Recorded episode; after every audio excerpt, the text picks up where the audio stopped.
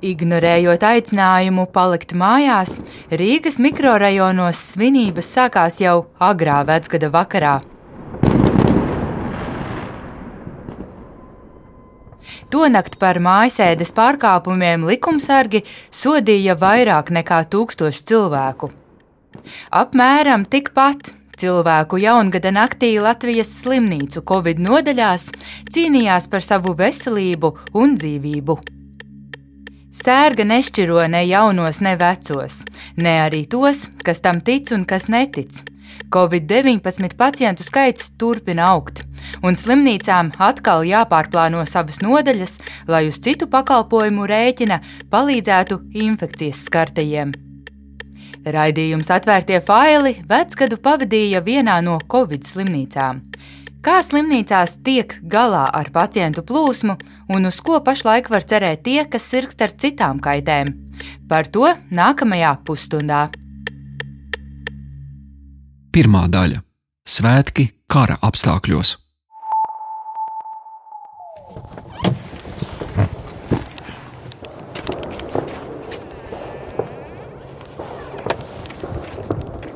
Šeit pie slimnīcas var dzirdēt, kā šaujas salīdz. Tuberkulozes un plaušu slimību centrs atrodas Stopiņu novada upes lejās. Labdien! Labdien vai! Pie ieejas sagaida pneimonoloģe Agnese Šmite. Šogad svētku dienās dežūrē viņas nodaļa. Tagad mēs ar Lītu uzbrauksim pie manis uz manu kabinetu. Labi. Dakterē šovakar pievienojusies arī rezidente Ilva Bikānova. Tā, tagad es piezvanīšu uz sesto nodaļu un paziņošu, ka viņiem ir jābrauc pakaļ pacientei, kura pirms tam bija aizvesta uz Gaļas ar slimnīcu izmeklēties ar akūtām sapēm vedrā. Bet tur nekas nopietns nav, viņa tiks atlaist atpakaļ. Māsiņa? Jā. E, Šeit dr. Šmita dežūrārsts. e, Vecgada vakarā stacionārā atrodas 108 pacienti, no kuriem 45 ir covid slimnieki. Pēdējo pirms pusstundas uzņēma 37 gadus vecu vīrieti, kuru atveda ātrās palīdzības brigāde. Viņu apskatījusi ārste rezidente Ilva Bikānova. Viņ, viņam šobrīd ir sūdzības par spēcīgām galvas sāpēm. Viņš pat novērtē sāpju skalā uz desmit, spēcīgām kakla sāpēm un epizodisku elpas trūkumu, kas pastiprinās pie kādām aktivitātēm un arī guļot. Tad šī ir trešā reize, kad viņš jau ir saucis neatliekās medicīnas palīdzības brigādi. Un, Un vispār jā, Covid infekcija viņam apstiprināta Jā. 20. decembrī. jā, no 17. no 17. decembra viņam jau ir sūdzības. Doktor, SPO2 viņam bija cik? 98. Jā, paldies.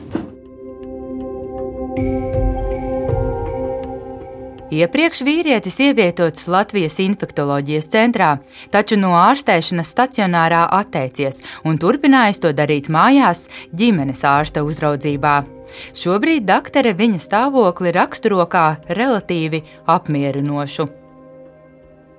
Slimnīcā ir trīs nodaļas, kurās ārstējas Covid-19 pacienti. Visi ar vidēji smagu vai smagu slimības gaitu.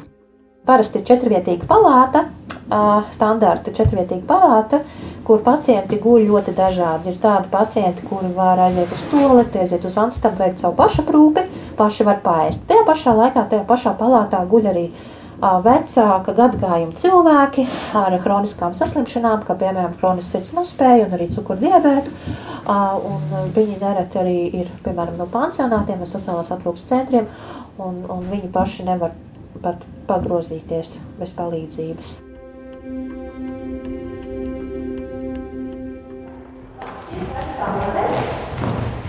Astoņas maksiskās māsas, vienkārši monstri. Sveikas, māsas! Sveiki! Ceturtā nodaļa iepriekš bijusi, kā doktore Šmita saka, parasta pneimonoloģijas nodaļa. Šobrīd šeit izveidots Covid-19 pacientu izolators ar 30 gultas vietām. Aizņemtas ir 20 no tām. 24 stundu režīmā nodaļā strādā trīs māsiņas, kuras uz maiņām dodas izolatorā uzraudzīt pacientus. Dakterei jānovērtē divu smagu pacientu stāvoklis, jāpaņem asins analīzes. Pirms tam jāpārģērbjas. Tā, e, te ir garās bakilas, te ir dažādi izmēri cimdi, krēkli. Slimnīcā vairākas palātas pārveidotas par vienreizējā medicīniskā apģērba noliktavām un ģērbtuvēm. Un tad šeit ir tā zona, kur mēs ejam iekšā. Un, kad mēs nākam ārā, nu, tad mēs ķērbjamies nost, visu, visu vākam nost. Tad mēs pierakstam sev ziņā vajadzīgas Jā, vietas, jā. un tad mēs nofočējam un rakstam dokumentu. Tieši tā, jo mēs neko no turienes ārā nedrīkstam iznest. Tas nozīmē, ka doktorei ārpus izolatora jāatstāj arī dežūrārsta mobilais telefons. Tikmēr norādes, kā rīkoties, ja tas zvana, dotas rezidentei Ilvai Bikānovai. Problēma, ka sākotnēji um, pirms nebija tik slikta situācija. Uh, šeit bija tikai viens dežūrārsts. Un tad bija šis te izolātors, sāka parādīties.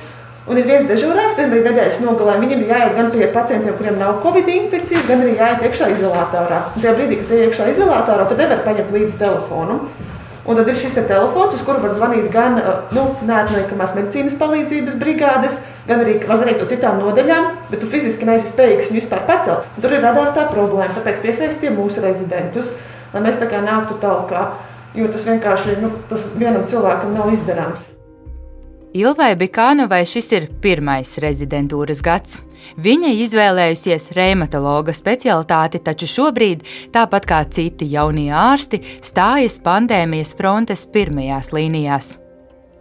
Līdz rītam Ilva dežūrēs šeit, un uzreiz pēc tam dosies uz bīstamo infekciju nodaļu Gaļasarā. Kādam ir jānāk tālāk? Būtu iedomājies, ka tāds tev pirmais rezidentūras gads būs. Nē, bet īstenībā ir, um, man liekas, pat patīkamāk ir būt šeit un varēt kaut ko darīt, nekā es iedomājos, ja būtu. Es pirms tam biju bērnu kopšanā atvaļinājumā, un tad tiešām domāju, tajā brīdī, kad tas viss sākās, tad bija tāda sajūta, ka tu esi mājās, bet gribās iet palīdzēt. Un, lai arī cik briesmīgi tas būtu, tā arī ir nu, milzīga iespēja arī daudz ko mācīties. Nu, piemēram, strādāt tādos apstākļos, nu, tā ir nu, tiešām neatsverama pieredze. Un, un, un tiešām tajā brīdī pat bija mazliet grūti nosēdēt mājās. Pēdējā gada dienā tuberkulozes un plaušu slimību centrā uzņemti pieci jauni pacienti. Māsiņas novērojušas, ka svētku dienās viņu ir mazāk. Visticamāk, Covid slimnieki svētku vakaru vēlas pavadīt mājās, tāpēc ciešas līdz rītam. Stāsta medicīnas māsa Ērika Paņina. Mēs sakraujam visus, visu, teiksim, rīta tos darbiņus visiem, tiem slimniekiem, ja, piepildam sistēmu, mēs visas škrītas līdzi, uzliekam uz ratiem un tad divas braucam iekšā. Un viena paliek šeit pie telefona un gaida nākošo slimnieku uzņemšanu, ja nu kas. Vai nu arī, ja mums ir kaut kas pietrūkst, tad viņi mums padod, lai mums nav jāierbis nost. Nu, tur ir karsti un grūti un īstenībā piekūstamas ļoti, un tie slimnieki arī, nu, viņi prasa tādu sevišķu uzmanību. Viņi, Viņi tur visi ir tādi bezspēcīgi, un tad mēs nevaram saprast, no kā tad, ja viņam var būt cukurs nokritis, viņam var būt spiediens nokritis, viņam var būt skābekļa maz, ja, un tad, vat, nu, tas viss ir jāizvērtē. Šobrīd visi nodaļas pacienti elpo ar skābekļa masku. Māsiņām regulāri jāpārbauda, vai viņi nav to nolikuši malā. Vienu slimnieku šovakar pārveda uz reanimācijas nodaļu. Tāpat māsa stāsta, ka pēdējā laikā ienāk krietni smagāki pacienti, un nav tā, ka visi sirgst ar citām nopietnām kaitēm. Nē, nu šie slimība, tur, tur jau nav vecuma vispār, jā, ir taču arī jauni cilvēki, jā, tik pēkšņi aiziet, jā, pilnīgi nedēļas laikā. Briesmīgi jau tas ir, jā. Nav Nu, šeit ir jauni bijuši. Uh, jā, tā ir animācija, tad mēs ar jau animāciju. pagājušajā maiņā, man bija 33 gadīgs vīrietis. Viņš ir ļoti jauns vīrietis. Nomira? Nē, nē, tā kā, nu, bet arī tā kā vidēji smagu gaitu, bet tā kā tiešām, nu, neliktos, ka būtu jābūt tik traki. Mums bija, ka bija vesela ģimene, bija tēvs un māte, kaut kur ap 65 gadiem. Viņus divas reizes atveda, un tajā pašā dienā ar, ar, citu ātrumu palīdzību atveda dēlu. Viņi nezināja, ka, viens, ka, visi, ka viņi šeit visi satiksies. Un um, bija tā, ka to, to, to mammu atveda ar skābekļa balonu. Un izskaties, ka tie vecie, protams, ir daudz smagāki. un Viņi daudz ātrāk aizgāja uz māju, un tam jaunam bija tādas blaknes. Viņš arī liekas, bija policists, no sportisks vīrietis arī, ja? ne, ne, ne par sevi rūpējies. Un Viņš te ilgi pie mums nogulēja un dabūjām tās smākās remisivīdi, tos tās zāles špricēs, jā. Ziemassvētku laikā šajā nodaļā nomira trīs pacienti. Tikmēr atpakaļ no izolatora ir dežūrārste Agnese Šmite. Nu, nezvana? Nezvana. Nezvana. Nezvana. Apskatījusi divus pacientus. Sieviete, 71 gads, appusēja covid pneimonija. Iepriekš nav bijušas nopietnas saslimšanas. Vīrietim ir 62 gadi. Smēķētājs, kurš jau ilgstoši slimojas ar hronisku obstruktīvu plaušu slimību, jeb hopsu. Kundzei riecepā varētu būt pirmā tipa elpošanas nepietiekamība, bet kungam ir otrā tipa elpošanas nepietiekamība, un es uzskatu, ka viņam vajadzētu reanimatologu konsultāciju, un tagad es zvanīšu un mēģināšu ar doktoru parunāt par to. Nogaidoša taktika līdz rītam, tā nolemj dakteris. Turklāt reanimācijas nodaļā pagaidām abiem pacientiem vietas nepietiek. Bet reanimācijā ir viena vieta. Nu, viena vieta reanimācijā ir, bet šobrīd šie pacienti ir, nu, kā lai pasakā, šobrīd viņi, viņu veselības stāvoklis nav tāds, lai viņiem obligāti būtu jābūt reanimācijas nodaļā. Ja? Labi, asins. Jā. Šobrīd ir nogaidoša taktika. Jā. Un, Pa ceļam uz kabinetu doktore piestājas sestajā nodaļā, lai pārbaudītu covid pacienti, kura pabija Gaļazara slimnīcā ar sūdzībām par vēdersāpēm. Covid pacientiem mēdz gadīties citas akūtas saslimšanas, daži pat tiek operēti, aizsargtērpos un speciāli sagatavotās telpās. Ārstes halāta kabatās ir trīs telefoni - privātais, dežūrārsta un trešais paredzēts saziņai ar pacientiem. Ik pa laikam doktore saņem kādu uzmundrinošu ziņu no kolēģiem ar sveicieniem jaunajā gadā. Desmit minūtes pirms pusnakts esam kabinetā. Galdā tiek likti līdzcilvēku saziedoti un restorānu sarūpēti virtuļi. Šādu akciju organizē nodibinājums Hospice LV. Savukārt doktore sagādājusi bezalkoholisko šampanieti. Pirmo reizi pavīd svētku noskaņa. Agnese Šmite atzīstas, ka ļoti gaida nākamo gadu. Jo mēs ceram, ka nākamais gads nāks ar jauniem spēkiem, ar ā, vakcīnu. Es pat esmu vakcinēta, vakcinējos pirmdien, otrā deva būs ā, janvārī. Un, ā, mēs visi ceram, ka, ka tas viss mums palīdzēs un atgriezīsimies ierastajā dzīves ritmā, kas pirms tam arī bija gana dinamisks. Agnese Šmite ir arī Ogres rajona slimnīcas uzņemšanas nodaļas ārste un strādā vēl Rīgas Stradiņa universitātē. Tomēr nedēļā vismaz vienu brīvdienu sev cenšas atvēlēt. Emocionālā spriedze ir joprojām, un, ā, diemžēl, arī mūsu kolēģi ir saslimuši ar covid. Arī šobrīd ir kolēģi, kas atrodas arī slimnīcā, starp citu. Ir kolēģi, kas veseļojas mājās. Ne tikai ārsti, bet arī māsas, arī māsu palīgi. Un man personīgi visgrūtāk šo laiku ir izturēt, tāpēc, ka es dzīvoju tādu ārkārtīgi izolētu dzīvi šobrīd. Es nesatiekos dzīvē gandrīz ne ar vienu sev tuvu cilvēku. No, man kolēģi šobrīd man tuvākie cilvēki. Tā ir mana ģimene šobrīd. Bet es, jā, es no dažām minūtēm satieku savu māti dažas reizes mēnesī. Un draugus redzu zumā. Slimnīcas personālam ir nodrošināta iespēja sazināties ar krīžu psihologiem. Dakterē Šmitei gan visvairāk palīdz sarunas ar kolēģiem, un katram mākonim var atrast zelta maliņu pat pandēmijā. Principā šis ir fantastisks brīdis, kad mēs piedalāmies vēsturē. Tas ir reāli kaut kas tāds, par ko es esmu lasījusi grāmatās, ka kaut kas tāds ir bijis, piemēram, spāņu gripa. Tagad mēs esam vēstures daļa, un es personīgi uztveru to kā, personis, kā profesionālu izaicinājumu. Man šis ir profesionāls izaicinājums. Tā sajūta man ir ceļa, protams, nu, kaut kādā ziņā. Bet es domāju, ka man ir diezgan viegli runāt, tāpēc, ka man nav bērnu, un es dzīvoju viena. Līdz ar to arī es varu mierīgi pašizolēties mājās. Bet kā jūtās mani kolēģi, kuriem ir mazi bērniņi, vai kuriem ir veci vecāki, vai ir kaut kādi citi apstākļi, vai viņiem pašiem, piemēram, kādas chroniskas slimības. Tas ir ļoti dažādi. Un es saprotu arī cilvēkus, kolēģis, kur atsakās strādāt ar šiem pacientiem. Dzirdat salūts arī, vai? Jā. Nu, bet var jau šaut savā pagalmā arī. Te jau Domāju, daudz ir. privātmājas, jā. jā. te jau ir. Ir? Jaungada sagaidīšanas brīdī iedomāto vēlēšanos nedrīkstot skaļi teikt. Taču doktore Agnese Šmita pārliecināta, lielākā daļa tāpat vēlas vienu un to pašu šim gadam. Pagājušā gada laikā Latvijā ar covid-19 saslima vairāk nekā 40 tūkstoši cilvēku, un arī es biju viena no viņiem.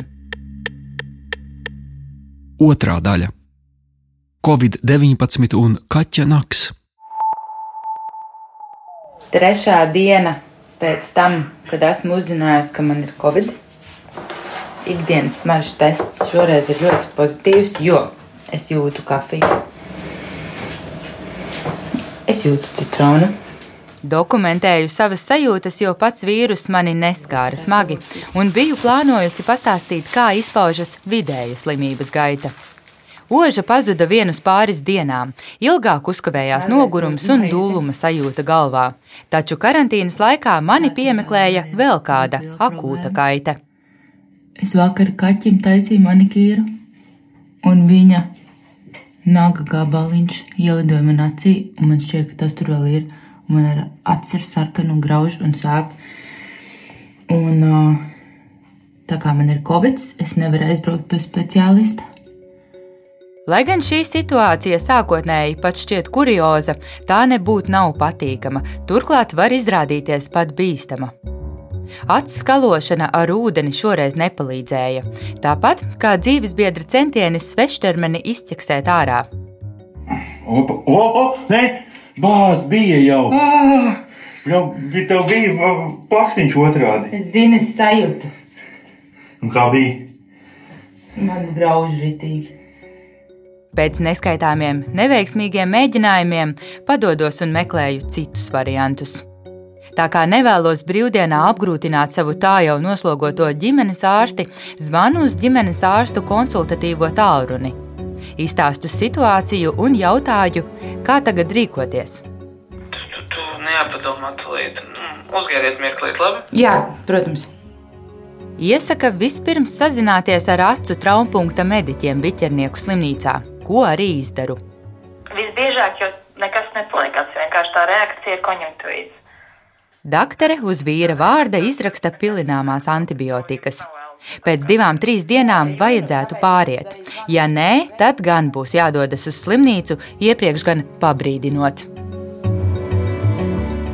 Pirmdienā sazvanos ar ģimenes ārsti, kura nolēma sūtīt mani uz atkārtotu covid testu, jo vīrusa simptomu vairs nav, bet acī tā arī labāk nepaliek. Esmu saņēmusi negatīvu testu un beidzot, beidzot, beidzot dodos uz acu traumpunktu parādīt doktoram savu aci. Esmu jau sazvanījusi slimnīcu, un man ir atļauja doties.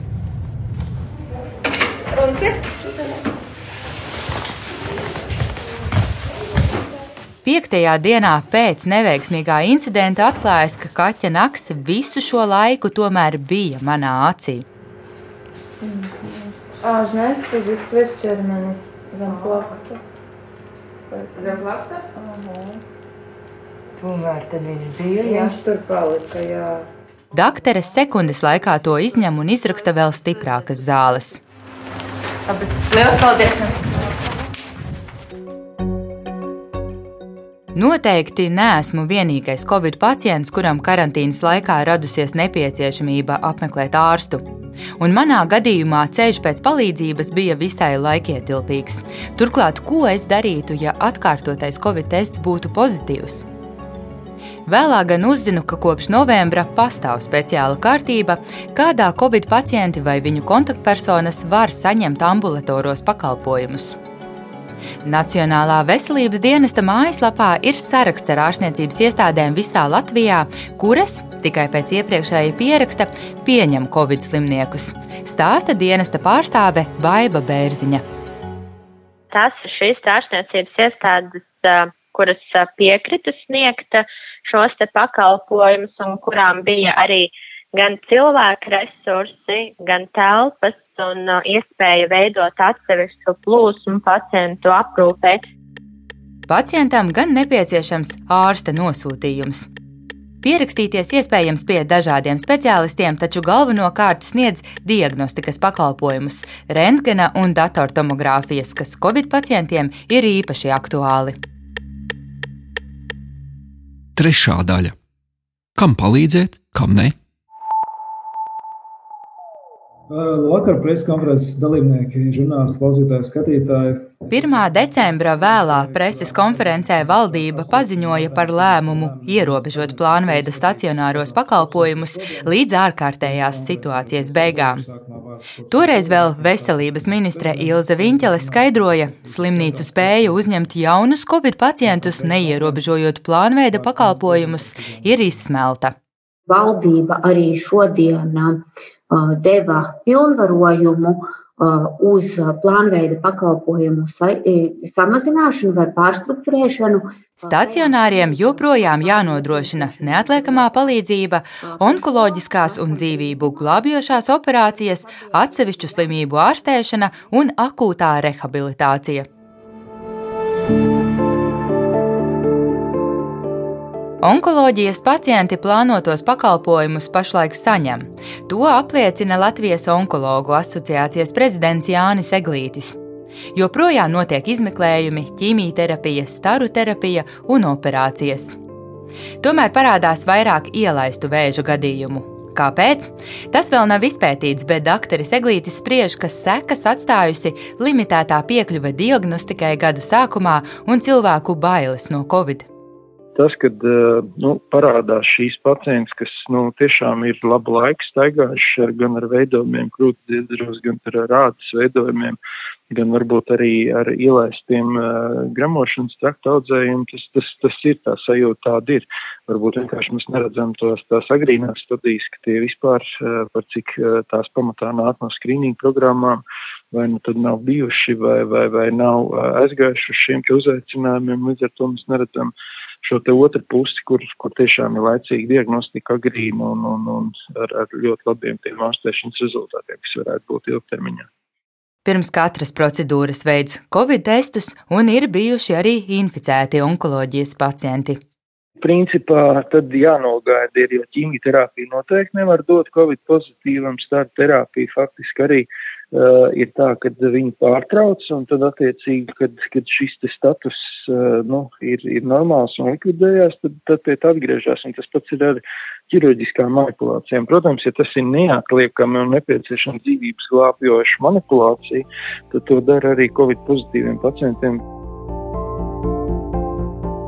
Tomēr pandēmijai visticamāk būs blaknes uz sabiedrības veselību ilgtermiņā jo iespējas apmeklēt ārstus un pārbaudīt veselību ir ierobežotas. Tas attiecas uz visām kroniskajām slimībām, piemēram, sirds un asinsvadu kaitēm. Stradiņas slimnīcas sirds ķirurģijas centra vadītājs Pēteris Stradiņš stāsta, ka plānveida operācijas nenotiek jau mēnesi. Sirds ķirurģija jāvērtē kontekstā, visas medicīnas kontekstā. Tā nav tāda atrauta specialitāte, tā ir iet kopā ar kardioloģiju un arī primāro palīdzību. Un, un jāsaka, ka koronavīrusa pandēmija ir ienesusi izmaiņas visā šajā pacientu, šajā te ārstēšanas un izmeklējuma ķēdē. Šogad nu, mēs novērojam sekojošu situāciju, ka pacientiem nu, visos šajos ķēdes posmos šī palīdzība varbūt nav iespējama, iespējams saņemt pilnvērtīgi un, un saulaicīgi. Līdz ar to tieši akūto un steidzamo pacientu īpatsvars ir ļoti augsts salīdzinoši ar citiem gadiem. Līdz ar to mēs varbūt neesam tādā ideālā, ideālā uh, situācijā, jo šīs operācijas, akūtās operācijas ir ļoti sarežģītas. Uh, Uh, bieži vien notiek, teiksim, tā gan pacientam, gan ārstam vai, vai ār, mediķu brigādei kādos um, suboptimālos apstākļos, bieži vien naktas stundās, brīvdienās. Stradiņš norāda, ka centra speciālisti ir gatavi iesaistīties arī covid ārstēšanā un daļēji jau to dara.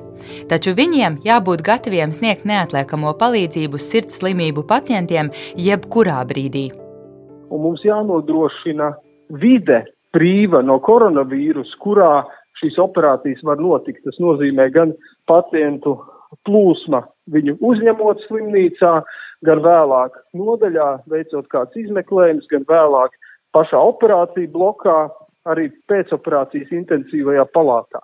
Tātad tas ir primārais uzdevums, ar ko mēs esam visu šo gadu nodarbojušies. Jāuzsver, ka ambulatorie pakalpojumi pašlaik nav ierobežoti. Plānveida pakalpojumus slimnīcās Veselības ministrija pašlaik plāno ierobežot līdz 18. janvārim. Ministrijā norāda, ka Covid pacientu slimnīcā vēl var uzņemt. Šīs nedēļas sākumā bija aizņemti apmēram 80% gultu, bet situācija slimnīcās atšķiras. Visvairāk noslogota ir Ziemeļkurzemes reģionālā slimnīca, turpretī salīdzinoši daudz brīvu gultu ir Liepājas reģionālajā slimnīcā. Rīgā brīvas vietas ir austrumu slimnīcā, savukārt noslogota ir Stradiņa slimnīca, kur ārstē tos smagos pacientus, kuriem covid pavada citu saslimšanu. Turpina Sanita Janka, Veselības ministrijas ārstniecības kvalitātes nodaļas vadītāja. Mēs šodien jau esam uzrunājuši vēl slimnīcas, kuras var pārprofilēt gultas kopumā 83 uz šo brīdi mēs varam pārprofilēt. Tas ir izējot no pieejamiem resursiem un pieejamām gultām, tā skaitā ārstniecības personu resursiem, un arī risinam jautājumu, lai atvērtu vēl papildus 50 gultas Rīgā vidēji smagiem pacientiem. Tāpat plānots mainīt procedūras, lai cilvēki īsāku laiku pavadītu slimnīcās. Piemēram, pacientus izrakstīt arī brīvdienās un noteikt kritērijus, kad slimnīcu nomainīt ar ģimenes ārsta uzraudzību. Sociālo aprūpes centru iemītniekus ārstēs uz vietas, ja situācija ļaus, jo aprūpes centros ir mediķi. Šobrīd gan ārstniecības iestādes galvenokārt ceļ trauksmi par personāla trūkumu. Veselības inspekcijā ir apzināti visi tie, kas ir gatavi palīdzēt, Tāpat plānots piesaistīt arī tos studentus un koledžu studentus, kuri var palīdzēt. Veselības inspekcija uzrunās arī skaistumkopšanas speciālistus, kas ir gatavi palīdzēt. Un arī tos ārstus un ārstu palīgus, kas ir beiguši savas darbas neatliekamās palīdzības dienestā un atrodas patreiz iznīrnes pensijā, bet viņiem ir spēkā esošs certifikāts. Neatliekamās medicīniskās palīdzības dienesta direktore Liene Cipule šonadēļ cēla trauksmi, ka trūkst intensīvās terapijas un reanimācijas gultu, kur skaistumkošanas speciālisti nelīdzēs. Janka uzskata, ka attiecībā uz intensīvās terapijas nodaļām slimnīcām jāpārdala savi iekšējie resursi. Uzrunāti arī privātā sektora mediķi. Daži devušies tālāk slimības kontroles un profilakses centram, bet dežūrēt slimnīcās viņi nav vēlējušies. Raidījumu veidoja Baiva Runce, Anita Brauna un Reinis Budze. Atvērtie faili!